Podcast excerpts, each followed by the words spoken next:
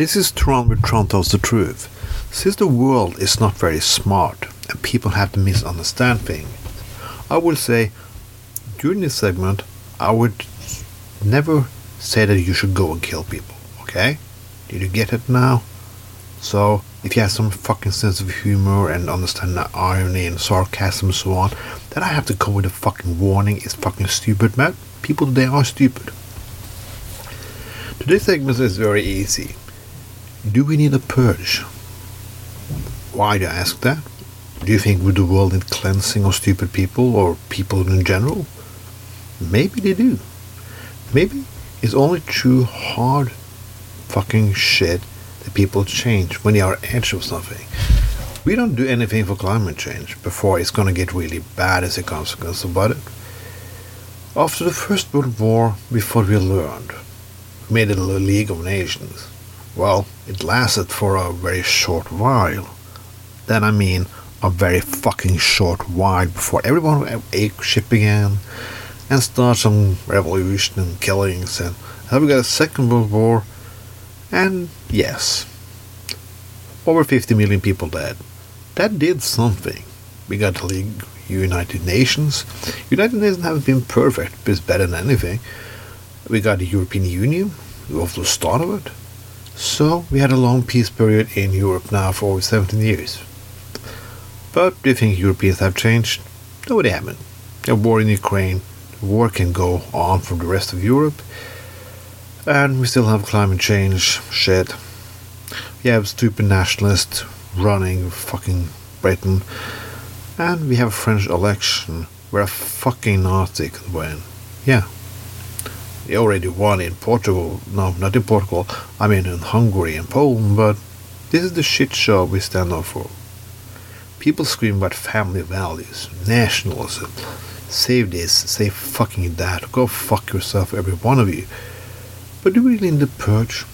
What happened with we got a war and like say, uh, no, not 10 million, not 20, not 30, I think a billion people die.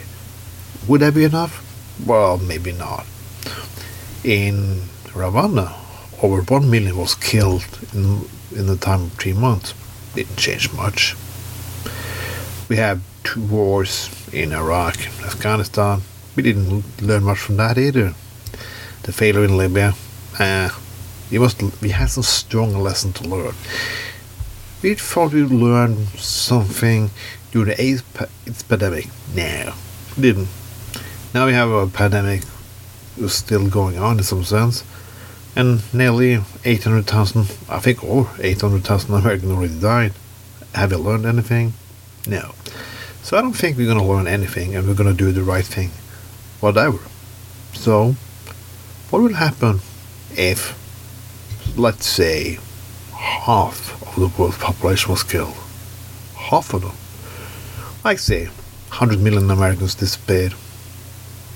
Well, think like people could start fed of the bullshit, took their guns, start shooting living shit out of each other, country against country, people against people, brother against brother.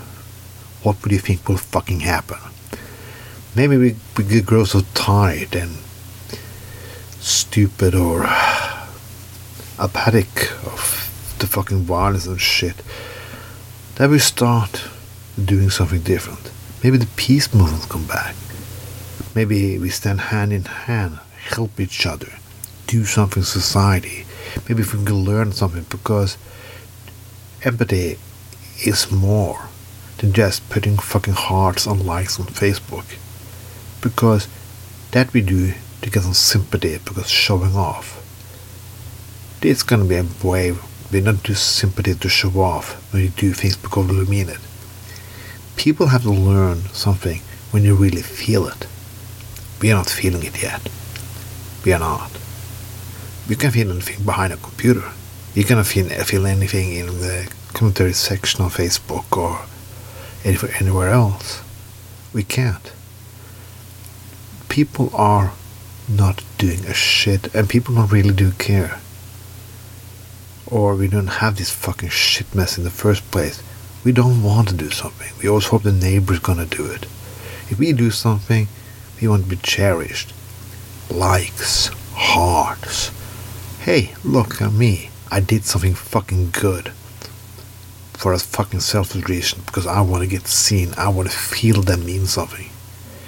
You can mean something for society without even fucking getting gratitude or clap on your shoulder. You can. That's being a human being is all about. I'm a mother and a father. They didn't get a diploma for fucking making me a okay person. But they should have. But they would never take it. They would not grant up on Facebook and show fucking to the world that they did something right. Maybe we need a purge to make people feel again. I hope not. But I'm not putting too much faith in today's humankind anyway. This was Tron with Tron Tells the Truth. Have a nice evening.